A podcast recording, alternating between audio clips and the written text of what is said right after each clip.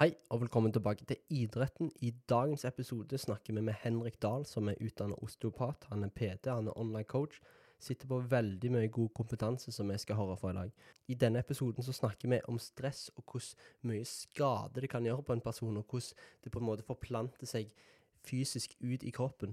Vi snakker om det mentale aspektet av å gå ned i vekt, og vi snakker òg om mange ulike viktige aspekter av det å drive idrett, kroppsbygging spesielt og viktige tema i forhold til det med selvbilde og vekt og hvordan du ser ut, og det at du skal like å se deg sjøl i speilet for den progresjonen du har, og ikke bare sånn du ser ut.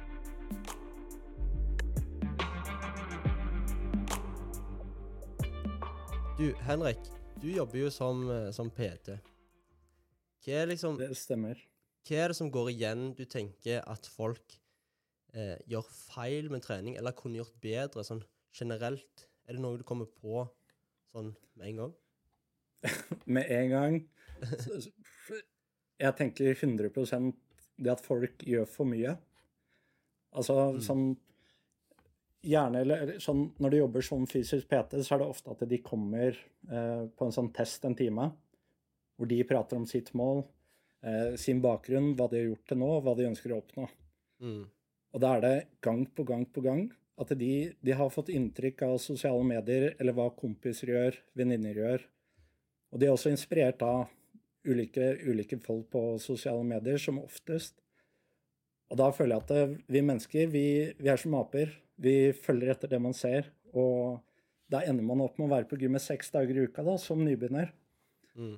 Og så går det et par uker, og så er kroppen i full krisemodus, og man mister treningsglede. Det føler jeg er det vanligste. Og det står jo egentlig bare på mangelen på kunnskap. Kunnskap på the basic, eller treningsprinsipper, da, som også går igjen i, i ski eller utholdenhet. Akkurat samme prinsipper går igjen i, Mm. med styrke og kropp. Så, så egentlig det at eh, de har en sånn visjon, et mål i hodet sitt, og så tenker de at hvis jeg bare trener veldig masse, kjempemasse på en gang, så kommer jeg til målet raskere. Men det er da problemet nå kommer fortere. Er det det du sier? Nettopp, ja. For det er jo en, sånn, det er en implementeringsprosess i hverdagen òg. For disse menneskene òg, så er det Jeg ser veldig at de, de kommer og Jeg prøver å anerkjenne at de forstår jo verdien i å trene. Det er derfor de kommer. Det er derfor de er interessert i en PT. Men denne verdien som de søker, den de implementerer for å få, få disse effektene Kontinuitet føler jeg er det viktigste for det. Mm.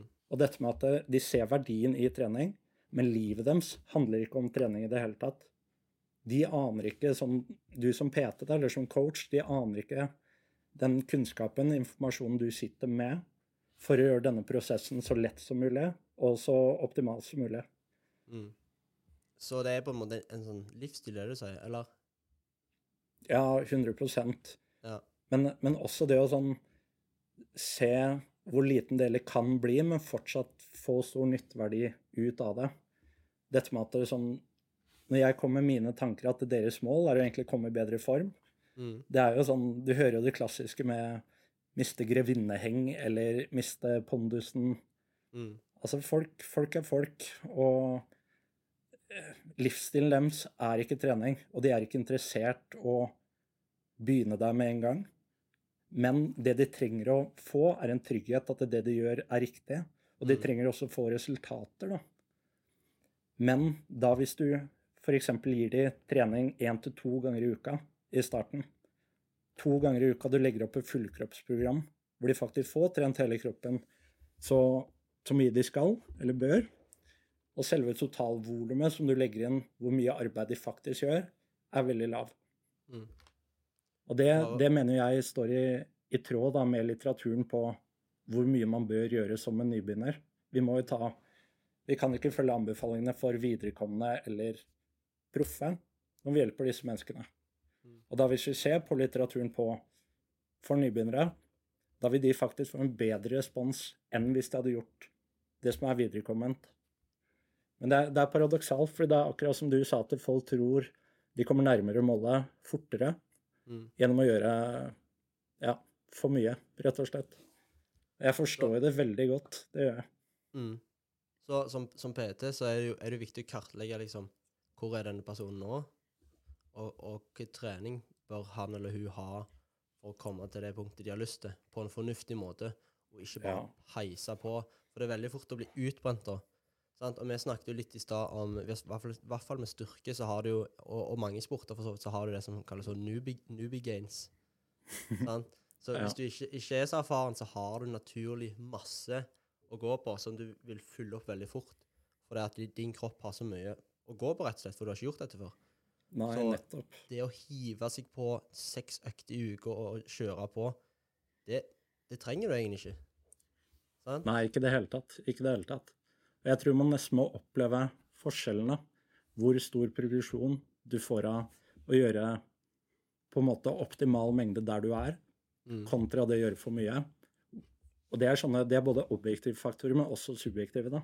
De subjektive på hvordan kroppen føles ut når du står opp om morgenen, eller når du begynner å, å gå eller skal gå i motbakke, og du merker at kroppen gjør vondt, den er sliten, kontra det å faktisk få, få et overskudd, da, som også mange ønsker. De kommer og sier 'Jeg har lyst til å komme inn i treningsrutine, og jeg har lyst til å få overskudd'. Mm. Og det bare å oppleve det, det tror jeg er en veldig sterk faktor for å tro på det og investere i det. For det er eh, Jeg kan forstå at det er skummelt å gjøre mindre når du tror du burde ha gjort mer. Ja. Det, det tror jeg er en ting som er I hvert fall hvis du Du har et nyttårsforsett, for eksempel, og så tenker du at dette året skal komme i form, Uh, og så blir du veldig sånn fiksert på dette her, men du forstår ikke at du, du er ikke klar for å, å få ta i så masse. Du må liksom Ja, du må tilvenne kroppen. Og da, da blir det mer langvarig og mer sånn sustainable, hvis du gjør det litt sånn riktig. Og spesielt hvis du har med en, en PT sånn som deg, som kan vise på en måte veien. da. Ja. Så, så, når, så du som PT, liksom De som kommer til deg, sånn hva- er målet deres oftest? Er det liksom en å ha det bedre i livet generelt, eller er det eh, å visuelt se bedre ut? Er det en blanding? Hva vil du si oftest folk tenker på?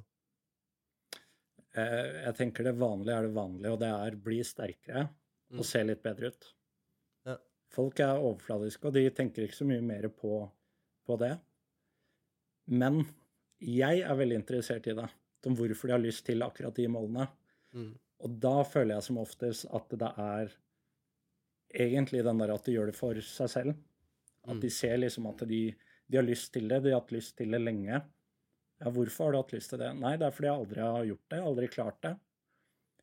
Og da å få de til å se på det her som en arena, en mulighet til å oppleve mestring, Mm. og oppleve at de, de ser disse målene de kommer med, som er veldig vanlige, de stammer også fra noe litt dypere, og det, det er selvfølgelig viktig for at hvis, når de tenker over det og blir litt mer bevisst på hvorfor de gjør det, at prosessen går lettere, mer motivasjon. Men ja, Mm. det vanlige er det vanlige, og som vi prata litt om i stad, folk er usikre. Folk er usikre, og da Det stammer ofte fra litt sånn litt overfladiske ting. Eh, men der tror jeg at det er sånn For jeg er jo utdannet osteopat òg, og der prater man nok mer enn mer dypt, fordi man ser jo sammenhengen på hvor mye det psykiske, hvor mye kroppen, kropp og syke og omgivelser påvirker en da, som person. Kan, kan du ikke bare forklare litt, eh, for de som ikke vekker hva o- osteopat er, bare forklare litt for, for hva det er for noe? Okay. Det handler ikke om ost. eh, Det handler ikke om knokler. Eh, Jeg pleier å si at det er en blanding mellom kiropraktor og fysio. Mm. Så vi, eneste forskjellen, mener jeg, eller min forståelse, det er mange ulike oppfatninger, og min forståelse er hvordan filosofi man ser bak kroppen, og hvordan den henger sammen. For eksempel så kan Jeg kan bare prate ut fra osteopati, da. Men vi ser på en måte hvordan de ulike kroppslige systemene henger sammen. Mm. Hvordan din biomekanikk, altså hvordan din struktur, skjelett, eh, hvordan det påvirker når du går, når du gjør ulike bevegelser. Eh, vi ser på res respirasjon, eller pustesystemet, sirkulasjonssystemet, nervesystem, og på en måte også det mer overordna, den biopsykososiale modellen. Mm. Så det, er- det, er- på en måte ulike modeller som man ser på kropp. Eksempel så vet man at eh, respirasjon, pusten vår, er veldig viktig for å regulere nervestem. Mm. Og nervestem kan også regulere disse andre modellene. Mm. Så de henger veldig sammen. Og det også, den, den forståelsen eller tankegangen der, føler jeg også er veldig, veldig relevant i folks hverdagslige liv. Å se litt sammenhenger på hvorfor de gjør, gjør ting. Hvorfor de ja, har det som de har det. Jeg syns det høres veldig fornuftig ut. At uh, sånn, Hvis du er kiropraktor, så, så går du veldig fort rett på ryggraden, f.eks. Men her tenker du kanskje mer i et sånn helt bilde. For sant, eh, kroppen er jo kompleks, du har jo mange faktorer her. Og og så se på hele bildet syns jeg i hvert fall høres veldig fornuftig ut. Så Ja, det er veldig, veldig interessant. det syns jeg òg. Mm. Så jeg er takknemlig for at jeg tok utdanninga. Det er veldig, veldig givende, da. Veldig givende å jobbe med mennesker. Ja. Og det er veldig viktig å skille, eller Fordi det kan bli en del prat ettersom at det, hvordan du har det, hvordan du tenker Denne biopsykososiale modellen er viktig. Mm, mm. Det er viktig å si at en osteopat er ikke en psykolog, men som jeg ofte, ofte har ment og ofte har sagt, så er jeg fortsatt et menneske med erfaringer. Det jeg må passe på, er å ikke åpne dører jeg ikke klarer å lukke. Men ja. hvis, hvis du mener, har hva du mener med det? For eksempel da, så vet vi det at mange, mange, mange kan oppleve veldig psykiske og fysiske plager etter traumer. Om det er overgrep, om det er mobbing, så kan det sette seg veldig i hvordan man forholder seg til egen kropp, hvordan man beveger seg ute, Mm. hvordan, man, hvordan man oppfører seg, hvordan man har det. Og ikke minst hvordan man oppfatter, oppfatter situasjoner rundt seg. Mm. Hvis du har uprosesserte traumer fra fortid, så er det mange som Det er mange som ikke vet at de er stressa. Det er veldig mange som kommer til meg og sånn, jeg spør om hvordan er stressnivå. Nei, jeg syns det går egentlig veldig fint. Men så kjenner du på kroppen, og de klarer ikke å slappe av. De klarer Ja, ikke å slappe av ja. én eneste gang. Og du merker sånn Her er det noe. Her er det ganske mye spenninger i områder som er relatert til pust, f.eks. Mm. I forhold til sånn Stress syns jeg er interessant. Sånn når du kjenner på, på kroppen sånn Hva er sånn de første tegnene du ser med en gang sånn Han her, han her eller hun her er, er stressa? Ja, altså det, det For det første er det sånn blikkontakt, stemmefall, Ja. det er kroppsspråk. Det er ofte en sånn forsvarsmodus. Mm. Og da er det ofte at det sånn Du kan jo se disse tegnene med en gang. Med en gang du tar personen i hånda. Mm. Og med en gang du skal prate litt rundt det. Du har allerede gjort deg opp en lite førsteinntrykk eller formening om denne personen. Mm. Personen har sagt at den ikke er stressa, men så forklarer du at det, du prater om det litt i tredjeperson. Da, da, da, da kan du si eh, noen, noen kommer inn til meg og setter seg rett i forsvarsposisjon, og de merker Ja. at de, de blir litt svette i hendene. De, de merker at hjertet begynner å slå. De merker det er litt ukomfortabelt å, å møte en terapeut og prate om hvordan, hvordan vedkommende har det. da. For kanskje vedkommende ikke har det så bra. Kanskje ikke liker å prate om følelser, eller klage, da. Mm. Og da merker de disse følelsene. Og så sier du da at det, og samme person kan gå på, på bussen med akkurat samme opplevelse, med hjertebank, litt svette i hendene. For de har ikke lyst til at en, en fremmed skal sette seg ved siden av seg og småprate. For de har litt sånn smågradig angst. Sosial Mm. angst. Og det er jo et veldig spekter. Og så forteller du at samme person kan gå på butikk, nærbutikken, og være redd for at noen kjente fordi de har en dårlig dag, har ikke lyst til å prate med det, så de går rundt på butikken og bare med litt hjertebank. Mm. Så forteller du at det her er stress for kroppen. Dette er kroppen som setter i gang stressresponser. Men så har du en annen person som kan komme inn og ha akkurat samme plager som den forrige. Mm.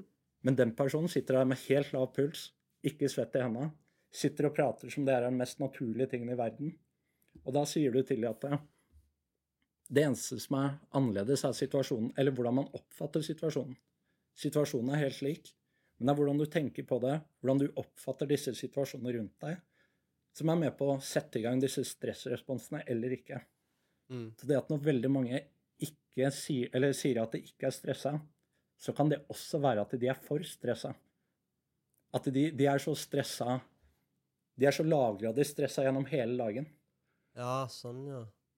Og det, det føler jeg går igjen veldig mye. Og hvor ville sånne eventuelle ting sant? Du ser på kroppsspråk, du ser, ser på svette svett i hendene og, og på en måte stemmen og sånn.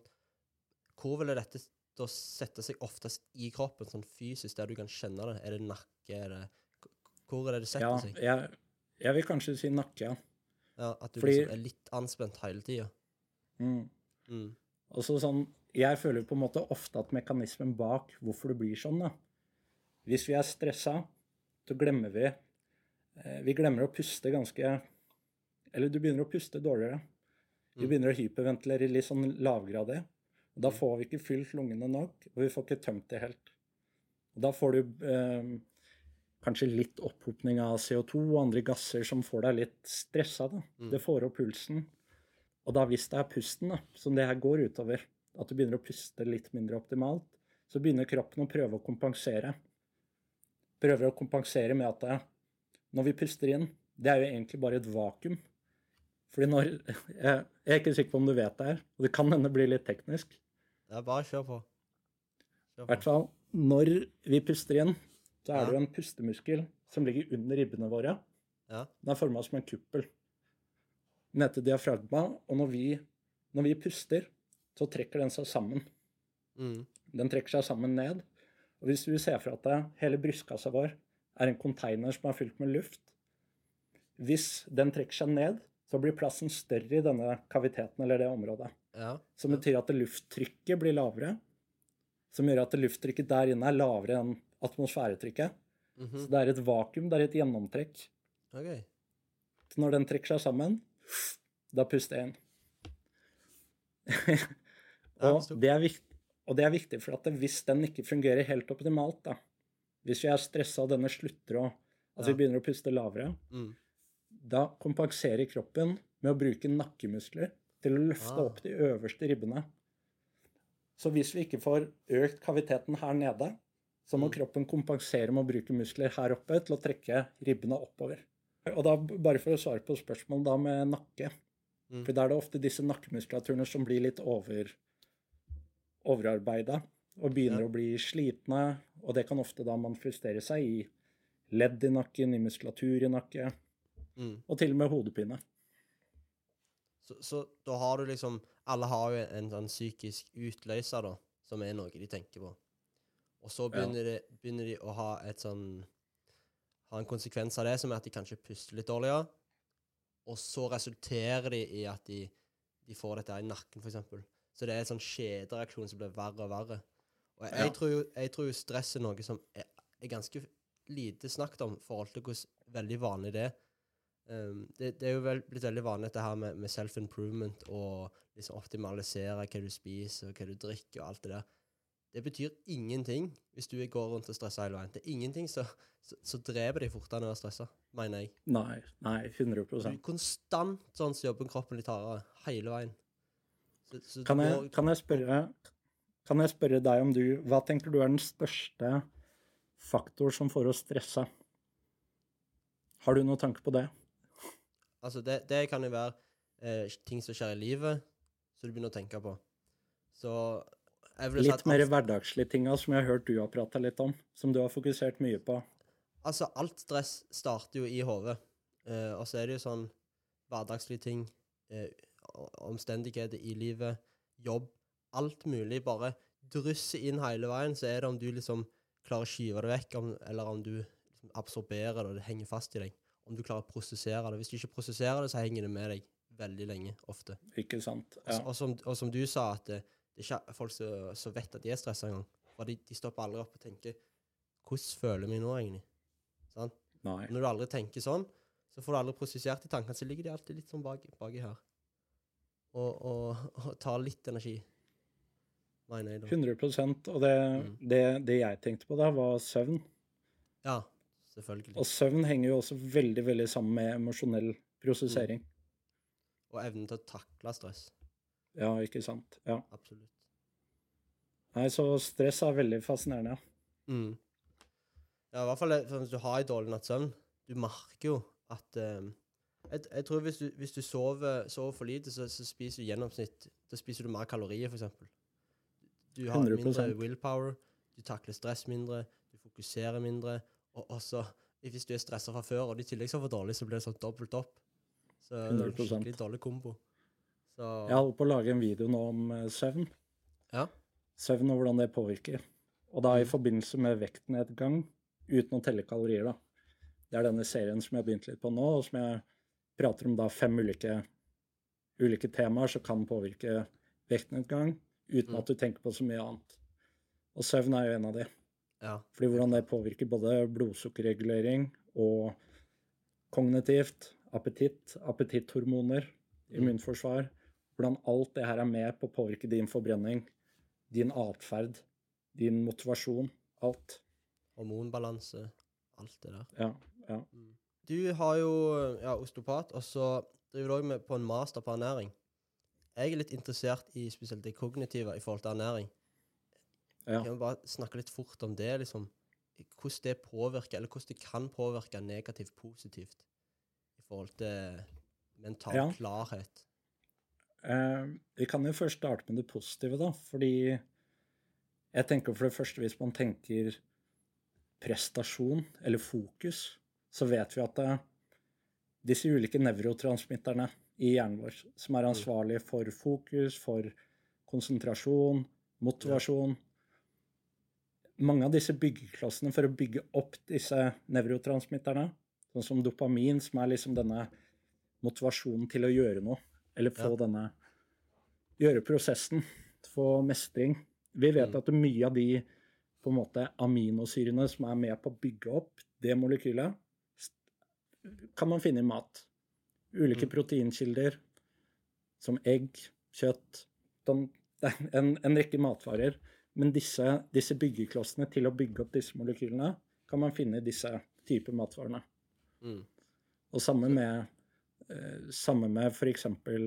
frukt, frukt og grønnsaker, og bær spesielt. Disse antioksidantene, disse Ja. små naturlige på en måte strukturer eller molekylene som finnes i blåbær, f.eks. Mm. Det kan virke kjempestimulerende for hjernen. Kognitivt, klarhet. Det er mange som Og på en måte bare for å nevne det negativt med en gang, da. Hvis man ikke har næring, riktig ernæring, og du får i deg disse mineralene, vitaminene du trenger, og disse byggeklossene, så vil du oppleve at du ikke klarer å konsentrere deg. Opplever hjernetåke er veldig sånn brain fog, veldig kjent begrep Mm. innenfor det. Og det føler jeg som går igjen da, kognitivt. Dårlig ernæring, dårlig kognitiv funksjon. I, i, forhold til, I forhold til fasting Det er jo blitt veldig mye snakket om intermittent fasting og sånt. Og, Ja. og mange sier at OK, når jeg har fasta i fire timer, tre timer, åtte timer, så kjenner jeg at jeg er mye klarere i hodet. Hva har du å si om det? Har det noe med at eh, kroppen din driver og fordøyer hvis du har spist, og da har du ikke så masse blod i hjernen? Eh, hva har du å si om det? Altså, det er ikke, jeg, har ikke noe, jeg har ikke noe litteratur å trekke fra hodet nå. Jeg, jeg har gjort det i mange år. Eh, Jeg har ikke gjort det de siste tre-fire åra. Men jeg også, bare som personlig, personlig erfaring, følte at jeg ble mye klarere. Mm. Men det er også fordi at jeg føler at mat tar litt fokuset bort. Eller hvis jeg vet jeg ikke skal spise på åtte timer, da er det lettere for meg å konsentrere meg dypt i, Mm. i det jeg holder på med. Så jeg tror også det er mye placebo i det at du har Mm. andre ting du kan rette fokuset på. Og du har tatt et valg med at du ikke spiser før klokka to. Da Da har du hele morgenen til å fokusere på noe annet. Det var et veldig godt poeng, faktisk. Eh, og det tror jeg funker veldig bra hvis du slår, har slått deg, med, slått deg med ro, og du klarer å gå fint uten spise. Men hvis du sitter der og er, er sulten, sant? da vil du ha motsatt effekt, tror jeg. Så Jeg kjenner f.eks. han ene jeg skriver eh, en artikkel med. Vi er i en publiseringsprosess. Det er Mm. for så vidt ganske spennende med tanke på skader, hvis vi tar og prater om det litt etterpå. mm. Men uh, han jeg skriver med der, han, han må kronisk spise. Om han, er, eh, om han spiser utafor sine tre timer, så fungerer han ikke. Men jeg, for eksempel, det er jo en adaptasjonsfase som det er i mange, Ja. mange områder. At du må komme deg over en adaptasjon, så kroppen blir litt vant til å Mm. klare seg uten mat. Og så tror jeg også det kan være noe i det at kroppen kanskje ikke har noe i magesekken. Vi vet at fordøyelse foregår eh, Det tar ganske lang tid før fordøyelse begynner. Mm. Så jeg vil ikke tro at det er så stor faktor. Men så kan det jo også være at i tillegg, hvis du faster over lang tid, og du er veldig vant til det, at kroppen begynner å brenne litt andre former for energikilder. Ja. F.eks. ketosyrer, og at du kommer inn, inn, inn i en sånn ketogen fase. Mm. Og da også er det mange som beskriver en litt annen type energi.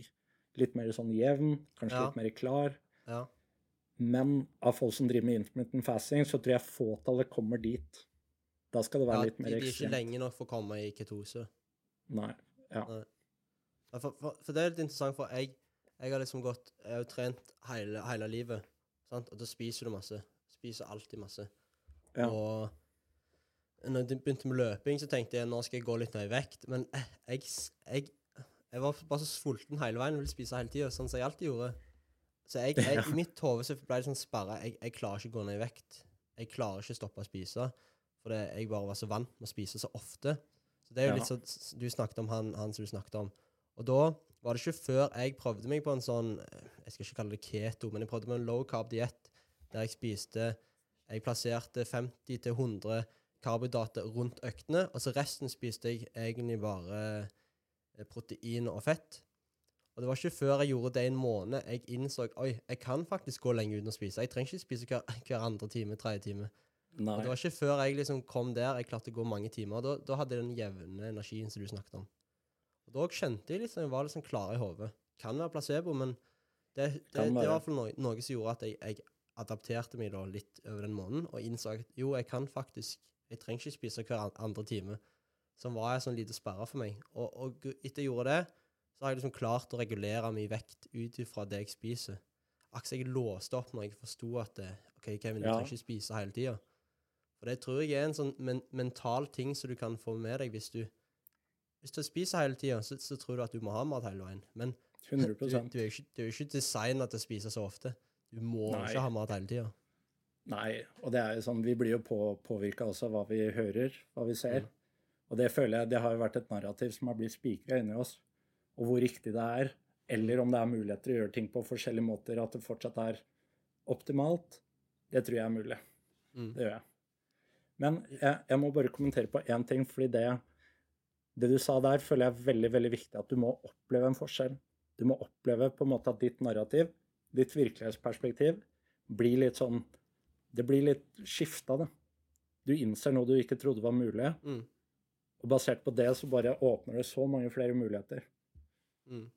Og akkurat på det som hvorfor jeg vil ta det opp, det er en veldig, veldig sterk behandlingsfaktor. F.eks. hvis noen har hatt vondt i rygg, da. Veldig, veldig lenge at de har vondt i mange år.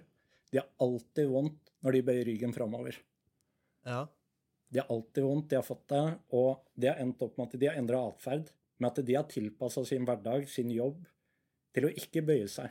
Til å ikke få denne smerten. Mhm. For de er da blitt et individ som har ryggsmerter, kan ikke bevege seg helt. Men da si da at denne prolapsen, eller dette som var der, er litt borte. De har forbedra seg veldig. Nå har bare nervestemmet blitt så stimulert hele veien i mange år Mm. at denne smerteterskelen, kroppen har bare Hei, nå orker vi ikke mer. Nå må du ta deg sammen. Nå må du være i ro. Men så har det da tillært kroppen at det her er ny, nye standard. Fordi kroppen er litt sånn dum når det kommer til smerte. Fordi smerte er en sånn derre Det skal vi være Vi kan ikke glemme at vi har smerte. Det er en skikkelig beskyttelsesmekanisme. Mm. Så det gir mening. Men vi er et helt annet samfunn, et helt annen realitet enn det vi var for når vi begynte å utvikle disse responsene. Hvis jeg da får denne pasienten, jeg får denne pasienten til å slappe av, og jeg f.eks. kan bevege ryggen til denne personen i, i den rangen eller bevegelsesgraden da, som de har gjort før, men når de slapper av helt, og du ser liksom at du kan se at øya til de, de holder på å sovne, så avslappa er de, så kan du begynne. Fordi du kjenner her at det, det er ikke noen muskler som aktiveres her. Vedkommende slapper av. Så du begynner å bøye denne ryggen mer og mer. Mm. De merker det ikke, fordi du gjør det så rytmisk. Du lurer på en måte kroppene deres til at de tror det er helt trygt, for det er det. Og når du kommenterer på at Oi, du har veldig bra bevegelighet i ryggen du nå. Da kan du åpne opp øya bare sånn Jeg har ikke hatt så mye bøy i ryggen på to år, Mm. og jeg har ikke vondt. Det at du klarte å skape ett øyeblikk hvor du ikke hadde vondt ved å bøye ryggen, det er bare hele, hele verden blir et nytt sted, Mm. liksom. Det er skikkelig viktig å Det erfare hjelper det de å, å komme ut av den boksen som de har vært i så lenge. Jeg Nettopp, er, ja. jeg er en, de har identifisert seg med at de er en person som har det problemet. Og det problemet er så stort at det liksom restrikt, det er så mange restriksjoner på deres liv, da. Så får de Ja. litt ut av det, og så forstår de Oi, det er en helt annen verden her ute. Så Det er nettopp det. Kan, kan du ikke snakke litt om, om tøying? Eh, jeg har hørt at eh, du er egentlig mer tøyelig og bøyelig enn du tror, men kroppen har forsvarsmekanismer. Kan du snakke litt om det? Stemmer det? Nei, altså, jeg, jeg er jo enig. Det, det er en video jeg har laget på også. Eh, en av de første videoene jeg lagde, det var hvordan du kan øke bevegelighet uten å tøye. Mm. Fordi f.eks. For si at du nå, nå bruker jeg bare samme eksempel. Med at du ikke klarer å ta deg på tæra fordi du merker at det bakside er stram. Så merker du det. Du, du føler Mange tenker at det, oi, det er pga. at bakside lårmuskulatur er stram.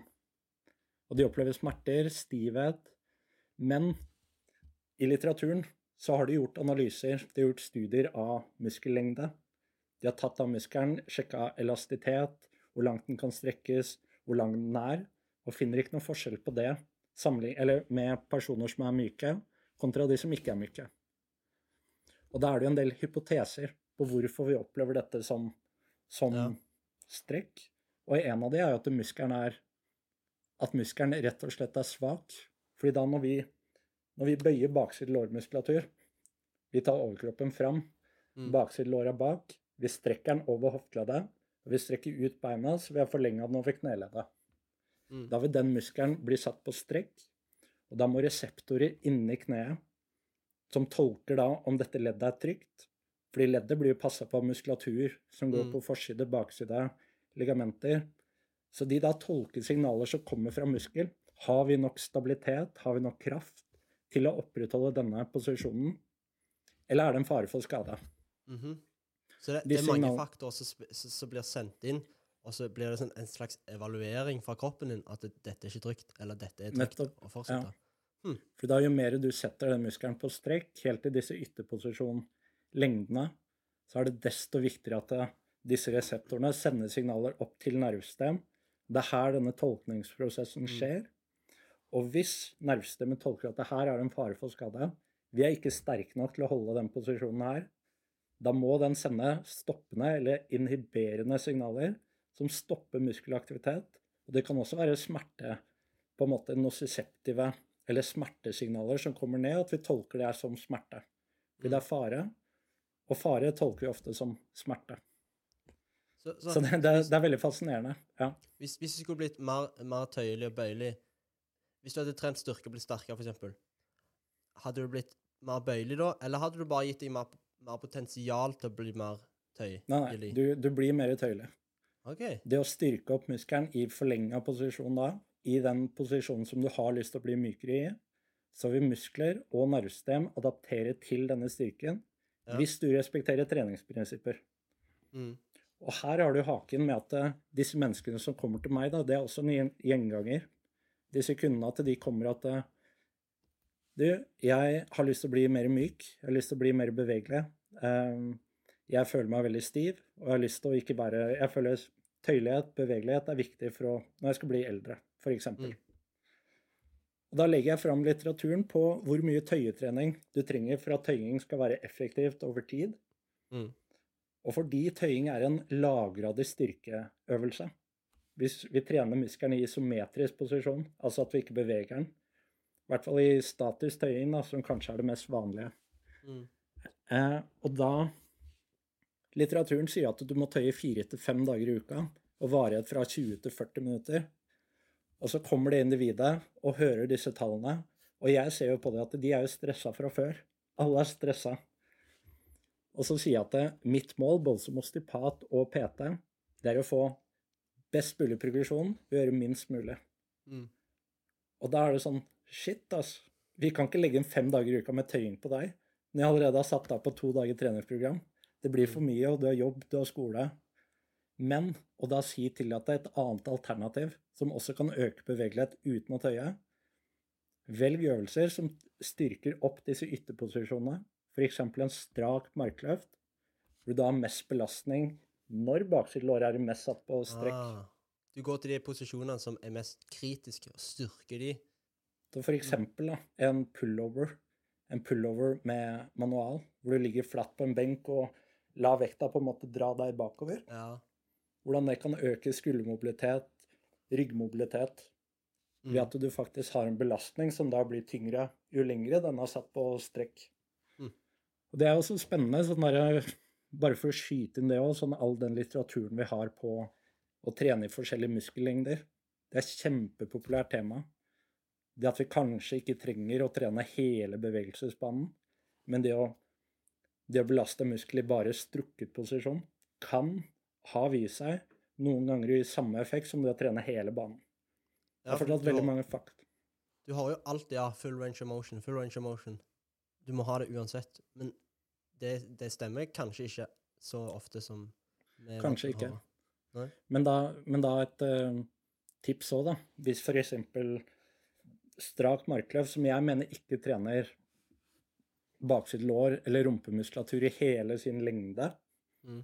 Ettersom at belastninga med stang bare kanskje belaster mest i forlenga mot midtre fase, imens forkorta fase ikke er så mye belasta. Men da ser man at det, er mulig å slå to fluer i en smekk med både ta styrketrening, fokusere på denne forlenga fasen og forbedra mobilitet. Mm. Så det, det, det er det her å prøve som en osteopat, da. Prøve å finne sammenhengen på plagene deres, kroppen deres og livet deres. Jeg føler det er akkurat samme med trening. At jeg, min jobb er å bli kjent med dette mennesket. Prøve å sette meg inn i deres sko. Stressnivå. Evne til respons, da. Da er vi tilbake på nybegynneren. At jeg, jeg forteller de alltid at vi må ha ett skritt tilbake og to fram. Mm. Og det er sånn ett skritt tilbake. Vi bryter ned gjennom trening, men så restituerer vi og adapterer. Mm. Og denne restitueringsgraden og adaptasjonsgraden, den er veldig dårlig som nybegynner. Og det å få deg til å innse det, med at det gjør du mer, mer enn hva du egentlig har kapasitet til, så tar vi ett og et halvt tilbake, ett og et halvt fram. Mm. Og det å bare forstå det, og tenke på det på den måten, da finner du ut at det, det å implementere styrketrening i forlenga fase vil ha en mye, mye større verdi for deres liv, deres hverdag. Fordi det er en så, såpass heavy hitter, da. Mm. Deg som PT eller osteopat har klart da å sammenfatte et tiltak som treffer på veldig mange eh, målopp, eller målområder, men at tidsbruken, da, implementeringa, er så lett som mulig. Mm. Du må helt klart ha en, en, eh, mye kunnskap å hente når du er osteopat, og så som PT. Alt henger liksom sammen. En Ja, det gjør det, altså. Kombo. Og da, da kan vi snakke om, om styrketrening. Du, hva var det du sa? Du, du har drevet med styrketrening i ti år, var det det du sa? Ja, ikke si det høyt, da, for det ser ikke sånn ut. Nei, Men men jo. kan du, Det har jeg. Hvordan har din idrettskarriere Du nevnte noe at du hadde vært i innebandy, og så Hvordan har din reise vært i, i idretten? Eh, Jeg spilte jo spilte aktivt innebandy, så var jeg egentlig litt ferdig med lagidrett. Eller jeg begynte å finne mer glede i at du hadde kontroll på den treninga du gjorde, innsatsen du la inn, så fikk du like mye igjen for det. Mm. Det var liksom at det, det satt litt bedre med meg, så det var en veldig naturlig overgang. Veldig positiv med lagidrett og lærte mye der. Veldig gøy. Med styrketrening, det var liksom min greie. Men man blir jo veldig påvirka, fordi ja, jeg som mange andre var sikkert veldig usikre på en alder av 15-16. Og du blir jo påvirka. Vi blir påvirka i dag òg av sosiale medier, hva man ser. Og da husker jeg at det var bare sånn Jeg har lyst til å bli skikkelig tynn. Jeg har lyst til å bli skikkelig shredda. For det hadde jeg aldri vært før. Jeg hadde heller vært på den mer, mer større siden. Da. Mm. Men Og det, det førte bare til et skikkelig kroppsfokus. Forferdelig kroppsfokus med lite mat, feiltrening. Jeg gjorde altfor mye. Jeg var sånn som digga prosessen og bare trente sju dager i uka og Mhm. hadde det gøy med det. Men resultatene kom jo ikke. Og det er jo det jeg starta, eller som vi prata litt om i stad. Dette med Jeg spiste altfor lite i perioden jeg burde spist mye, mye mer. Trent mindre. Og fått mine beste resultater da, i hele min karriere, som du kan få bedre gains på de to åra enn de fem neste. Mhm. Det er helt sinnssykt hvor mye de newbie gainsa Mm. har å si, da. Hva, for- forklar kjapt hva, hva Nubigains Gains er, sånn for de som ikke vet. Noob, Nubigains, gains, det er den første fasen når du begynner å trene. Og kroppen din er veldig sensitiv til alt du gjør med den. Mm. Alt av hormoner.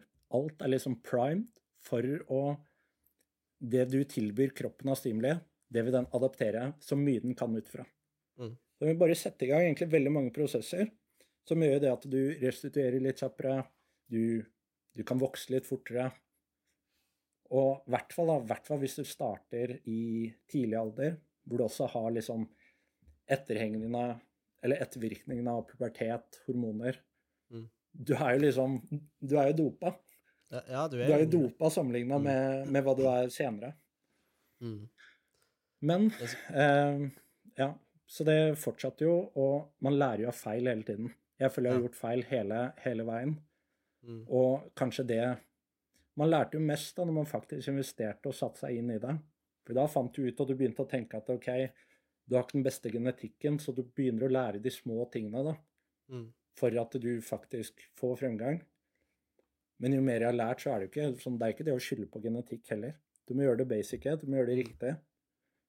Og når du faktisk gjorde det, da, som jeg gjorde for mye mer riktig i hvert fall enn det jeg har gjort tidligere, da tok jeg og investerte skikkelig og bare ligge i godt overskudd, fokuserte, trente riktig, Mm. spiste riktig. Og jeg har ikke fått så resultater siden jeg først begynte å trene. Og, og da, da var det fordi at du skifta fokuset fra OK, jeg vil se så bra som mulig, jeg vil være så lav fettprosent som mulig, sånn at jeg ser skredda ut, til å tenke at jeg skal heller bli sterkere, bli sunnere, og der, derfor vil jeg ha mer valg til å gå kanskje ned i fettprosent. Jeg vil eller holde den. Det er det 100 tenker. Mm. Ja. Da var det sånn der at eh, du så liksom verdien i hele prosessen. Mm. Du merka det at du kom på trening, du hadde mye mer overskudd, og så begynte du faktisk å Du elska progresjon. Du elska at det ting du gjorde, Ja, det styrte at det, ditt mål, det var å ja, bli sterkere, rett og slett. Både fysisk og psykisk.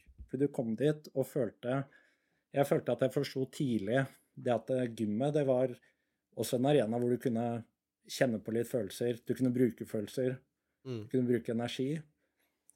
Og da sånn Få ut den positive energien i Eller den energien i noe positivt. Og Mm. vite objektivt, så ble du en litt sterkere versjon på en eller annen, en eller annen måte du ser det på. Mm. Og det også kan jeg tenke at det er med utholdenhet, da. Dette om et løp er skikkelig tøft psykisk. Mm. At du sitter igjen med en veldig god følelse etterpå. Ja, absolutt. Og jeg eh, Når jeg begynte med løping, så, så tenkte jeg nå skal jeg, nå skal jeg ned i vekt. Eh, og, og det var først Jeg har aldri slitt med vekt eller noen ting. Jeg har alltid sittet egentlig Så jeg har vært på mellom 10 til 15 i fettprosent. Alltid vært sånn ganske, ganske tynn, hatt greit med muskler. Alltid. Og så tenkte jeg nå når jeg skal begynne med løping, jeg ikke, ikke, ikke skal bruke overkroppen min, at jeg skulle rase ned i vekt. Bli lettere, springe mer. Eh, og så prøvde jeg å gå ned i vekt. Og jeg fikk jo til å gå ned i vekt. Eh, men jeg husker at jeg, jeg hata det jo. Jeg, eh, jeg, jeg så jo på en måte Jeg har aldri sett så bra ut. Jeg var skikkelig tynn og shredda, sånn som du var. Men det eneste jeg klarte å tenke på til enhver tid, var mat, mat, mat. Jeg vil egentlig bare spise. Det er det eneste jeg vil. Ja. Så, så måtte jeg på en måte tvinge meg sjøl til å forstå OK, for det første, jeg klarer ikke trene like mye som jeg gjorde når jeg, når jeg veide 80 kilo, for eksempel, enn når jeg veide 74. Når jeg veide 74, så jeg, frøys jeg mye mer når jeg gikk på ski, eksempel. Jeg ble Ja, ja, fortere ja. sjuk. Der er så mye mer negativt. Men du ser ja, dritbra ut. 100 Sant? Du ser dritbra ut, og du føler deg bra, for du ser i speilet. Og det er òg en ting som jeg ikke Jeg hadde hørt dette her, for jeg jeg vært litt interessert i dette. her. Og så når jeg kom til dette punktet der jeg var 74 kilo og, og så skikkelig bra ut Liksom gått ned Ja. 6 kilo da, ganske fort. Når jeg så meg sjøl i speilet da Alle ganger jeg ser i speilet nå, så, så ser jeg sånn Oi, jeg ser ikke så bra ut som jeg kunne sett ut. Så den brant seg litt sånn fast. Så du må på en måte 100 100 ja. Mm. Så, så det tror jeg er noe som, som er viktig å tenke på. Folk, spesielt ungdom nå, som tenker at de, de vil komme Ja, til et punkt der de enten blir veldig store eller veldig shredda. Du glemmer aldri din peak, på en måte. Du vil alltid se i speilet når du ikke er der du har vært før, og tenke 'åh, jeg kunne vært så mye bedre'. Men det er der jeg har veldig sterke meninger, at vi må ta fokuset bort. Vi må ta mm. fokuset bort ifra gymmet. Ja. Det er ikke det er denne prosessen du gjør med å investere f.eks. Og denne prosessen som jeg gjør, da. Jeg, jeg har jo lyst til å stille for meg selv. Nettopp fordi denne prosessen med å se investere så lenge i å spise mye, da, spise mer enn det jeg har lyst til, gå opp i vekt, hva det egentlig gjør med fysikken min. At det da Altså, på vei ned Jeg blir ikke glad av det jeg ser i speilet. Jeg ser på en måte Du ser en endring basert på det du gjorde de siste to årene. Det er det jeg syns er mest gøy med det. Mm. Eh, men også dette med Fuck, ass. Det er, ikke, det er ikke hvordan du ser ut. Og det er liksom når du, når du ser deg selv i speilet Jeg liker ikke å tenke på at det, når jeg ser meg selv i speilet, at det, shit, jeg ser bra ut. Og føler meg bedre av den, den grunn. Mm. Jeg føler meg bra fordi jeg vet Jeg er ikke født sånn i det hele tatt. Men jeg har gjort en jobb. Jeg har bestemt meg. Uansett om jeg vet at jeg ikke er sunt å være på den vekta. Vi prater om idrett. Det er en slags idrett. Det her òg. Kroppsbygging. Det er en livsstil på akkurat samme måte som alle andre idretter, som også er ganske De er ikke sunne på toppnivå i en periode. Men så kan de også zoome ut at eh, jeg var i den formen der i to måneder. Og så var jeg et overskudd og mer sunn kroppsvekt i ti måneder resten av det året. Mm. Og det også er det mange ikke ser, men som er Absolutt. veldig viktig å presisere at mm -hmm. Ja, men dette med å skifte fokus at det er ikke hvordan du ser ut, men det er denne jobben du gjør med deg selv. Du så med deg selv når du legger, når du legger hodet på puta. Du, du, du, legger deg med deg selv. Det er samme hvem du får bekreftelse av, hvem du ligger ved siden av. Mm. Det er det selv du ligger med, og det føler jeg er et resultat av det du gjør både fysisk, med at du utfordrer kroppen og bruker den, lever verdibasert med kroppen. Mm. Du bruker den til å hjelpe folk, gi en klem, alle sånne ting. Du bruker kroppen. Eller være i aktivitet. Kanskje bedre eksempel. Mm. Eh, men også hvordan du utfordrer deg psykisk. Må investere i en periode hvor du vet du kommer til å være ukomfortabel. På vei opp så er det kanskje det at du blir veldig påvirka av disse sosiale, eh, sosiale medier, dette kroppsfokuset. Men så opplever du at det, de personene du har lyst til å ha rundt deg, de driter i det. Ja, de, de, de, ser på, de, ser ikke på, deg som en mm. annen person i det hele tatt. De syns bare du er litt chillere å henge med. Fordi de, de mm. Ja, du kan man har, man har, litt mer overskudd. Mm -hmm. Ja, Samme på meg ned, ned, også, så er det jo sånn Det er jo ukomfortabelt. Det er ukomfortabelt, og i hvert fall den siste måneden. Altså siden jeg følte at jeg gjorde det på en veldig riktig måte. Så jeg følte mm. ikke at jeg var på en diett engang når jeg gikk ned mine ti første kilo på den dietten. Ja, for du dro den skikkelig langt? Ja, jeg gjorde det. Fordi mm. sånn jeg hadde bygd, bygd opp på en måte startpunktet såpass, eh, såpass godt at denne prosessen at kroppen kunne adaptere over lang, lang tid. da. Mm. Det også føler jeg det er mange som gjør litt feil. Fordi de respekterer ikke at kroppen faktisk adapterer, og du må ja. spille, spille korta dine riktig. Mm. Jeg snakket med, med en bryter i går, faktisk. Uh, og, og, vi snakket om dette med vektnedgang, og de skulle ned i vekt for noen vektklassene og sånt. Og, og jeg sa jo det at uh, de tøffeste sportene i verden, det er de som har dette vektaspektet. Og jeg vil, jeg vil faktisk si at kroppsbygging er av de tøffeste, den tøffeste sporten som fins. For det er, det er, en sånn livsstil. Altså, du, du, skal se bra, du skal bli sterkere. Det er ikke bare å gå på trening og være i gymmen, og så kommer du hjem og så kan du spise egentlig hva du vil, hvis, sånn som du langesløper. langrennsløper. Da skal du bare opprettholde energinivået og så trene masse. Men her når du skal ned i vekt og denne fasen der, når du går og legger deg der og du har lyst til å spise Du kan ikke spise, for du, du, skal, du har et mål du skal nå, du har eh, kalorier du skal spise. sant? Hvordan, hvordan, var det mentale Gikk det fint, for du gjorde det på en ryddig måte? Hva er feller å gå i, f.eks.? Hva, hva er viktig ja, å tenke på når, det, du, når, du, når, du, er med i det gamet der? Nei, altså på det tidspunktet der så hadde jeg Jeg hadde jo kjæreste. Det føler jeg at det hjalp veldig. Mm. Med den at vi tok fokuset litt bort fra kropp. Og at du, du, fikk på en måte en bekreftelse hele tiden om at du var god nok som du mm. var. Og igjen bare dette begrepet med sosial støtte. Kjempeviktig. Um, feller føler jeg det er ganske mange av. F.eks. hva man får input av. Mm. Om du ender opp med å bli veldig Se på mye matprogrammer, eller du er på TikTok, scroller. Mm. Det er sånn derre Største feil man kan gjøre, tror jeg. Fordi det bare underbevisst. Det påvirker deg så mye gjennom en dag. Altså, andre feller er jo på en måte jeg føler jo altså det, det du sa da med at dette er en fulltidsjobb, det å være en Mhm. kroppsbygger eh, Mhm. Jeg ser jo ikke på meg selv som en kroppsbygger, selv om det er på en måte det Det er som en hobby. Det er sånn jeg liker å trene, fordi Mm. jeg mener det er ganske optimalt å trene for styrke og bygge muskler. Det er liksom derfor jeg skal på Pump House, dette nye gymmet. En liten shout-out til de. Pump House det er et gym som åpner på, på Ryen i dag. Deres motto er jo sånn Det er lov å bli sterk. Og de har liksom fokus på at det er lov å De har lyst til å bygge muskler, og at du skal bli sterk. Det er på en måte det jeg liker. Det er det jeg kommer til å holde på med etter jeg har konkurrert én gang òg. Fordi jeg tror min plan er bare å konkurrere én gang for å være gjennom prosessen, og heller hjelpe de som har potensial, godt Mm. potensial, gå fra bra til best. Mm. Og poenget mitt er også dette med det er respekter. Du kan gjøre det ganske halvhjerta, men følge disse basic prinsippene på en ganske sånn slack måte og fortsatt klare å være sosial, klare å adaptere litt, være litt fleksibel. Mm. Men du har også mulighet til å gjøre det til en fulltidsjobb. Mm. Og selvfølgelig, sånn resultatene er jo deretter. Men det er jo mange som har Genetikk har en stor, det har en stor del Ja. i det å byggemuskler. bygge muskler. Absolutt. Um, og Derfor kan du se noen som gjør alle de små tingene, men Mhm, fortsatt ikke ser like bra som en som gjør halve tinga. Mm.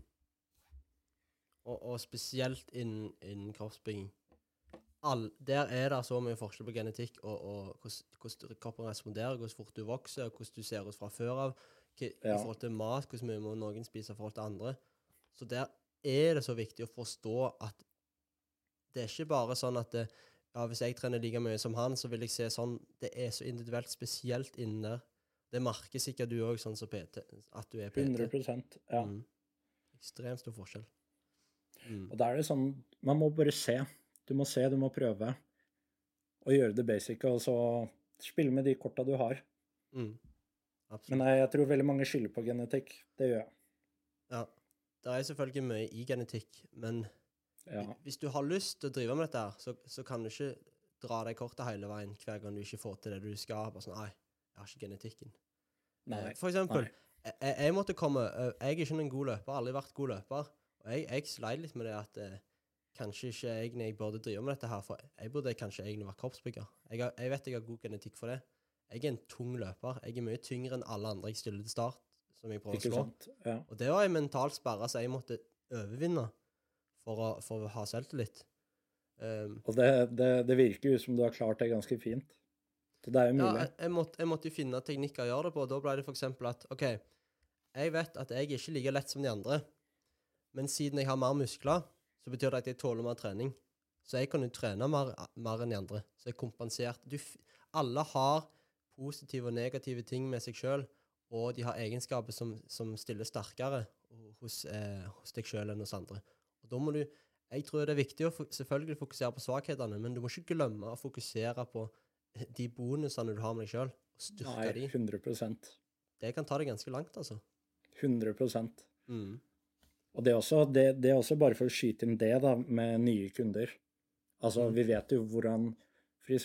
knebøy, da. Hvor mye kroppstypen din, benlengde, benlengde din Ja. struktur, anatomi har å si, da. Men så, så, så får jeg en kunder som er laget for knebøy. Det er Mhm. mer komfortabelt for de å sette seg ned og drite enn det der å gå. og bare bare komme med kommentarer at det shit, altså jeg skulle ønske at jeg hadde din teknikk, for det her, sånn jeg Det er bare Ja, nei, det føles veldig bra. Ja, bare gønne på at den her skal vi bli sterk på. Det er sånn, det er deres øvelse. De får en litt mer personlig tilknytning til det. Mm. Finner liksom at det er litt andre måter å tenke på. De trenger ikke å komme inn her og føle at de er dårligst i alt, men at de har liksom ting de er Kan bygge litt momentum på. I selvtillit og kontinuitet. Og spesielt innen idrett. Hvis vi ikke drar det helt tilbake til barndommen. Derfor er det så viktig at når du er eh, en liten, liten unge, at du får prøve de litt forskjellige idretter. For alle har egenskaper som, som tilnærmer seg bedre til forskjellige sporter. Hvis du prøver litt forskjellig, så vil du finne det du er god på. Mm, Og det er kjekt å drive med ting du er god på. For da, da blir du bedre og bedre og bedre. 100 Så jeg tror helt klart at bruk de, de gode egenskapene du har, og så, og så kan du jobbe med det andre i tillegg.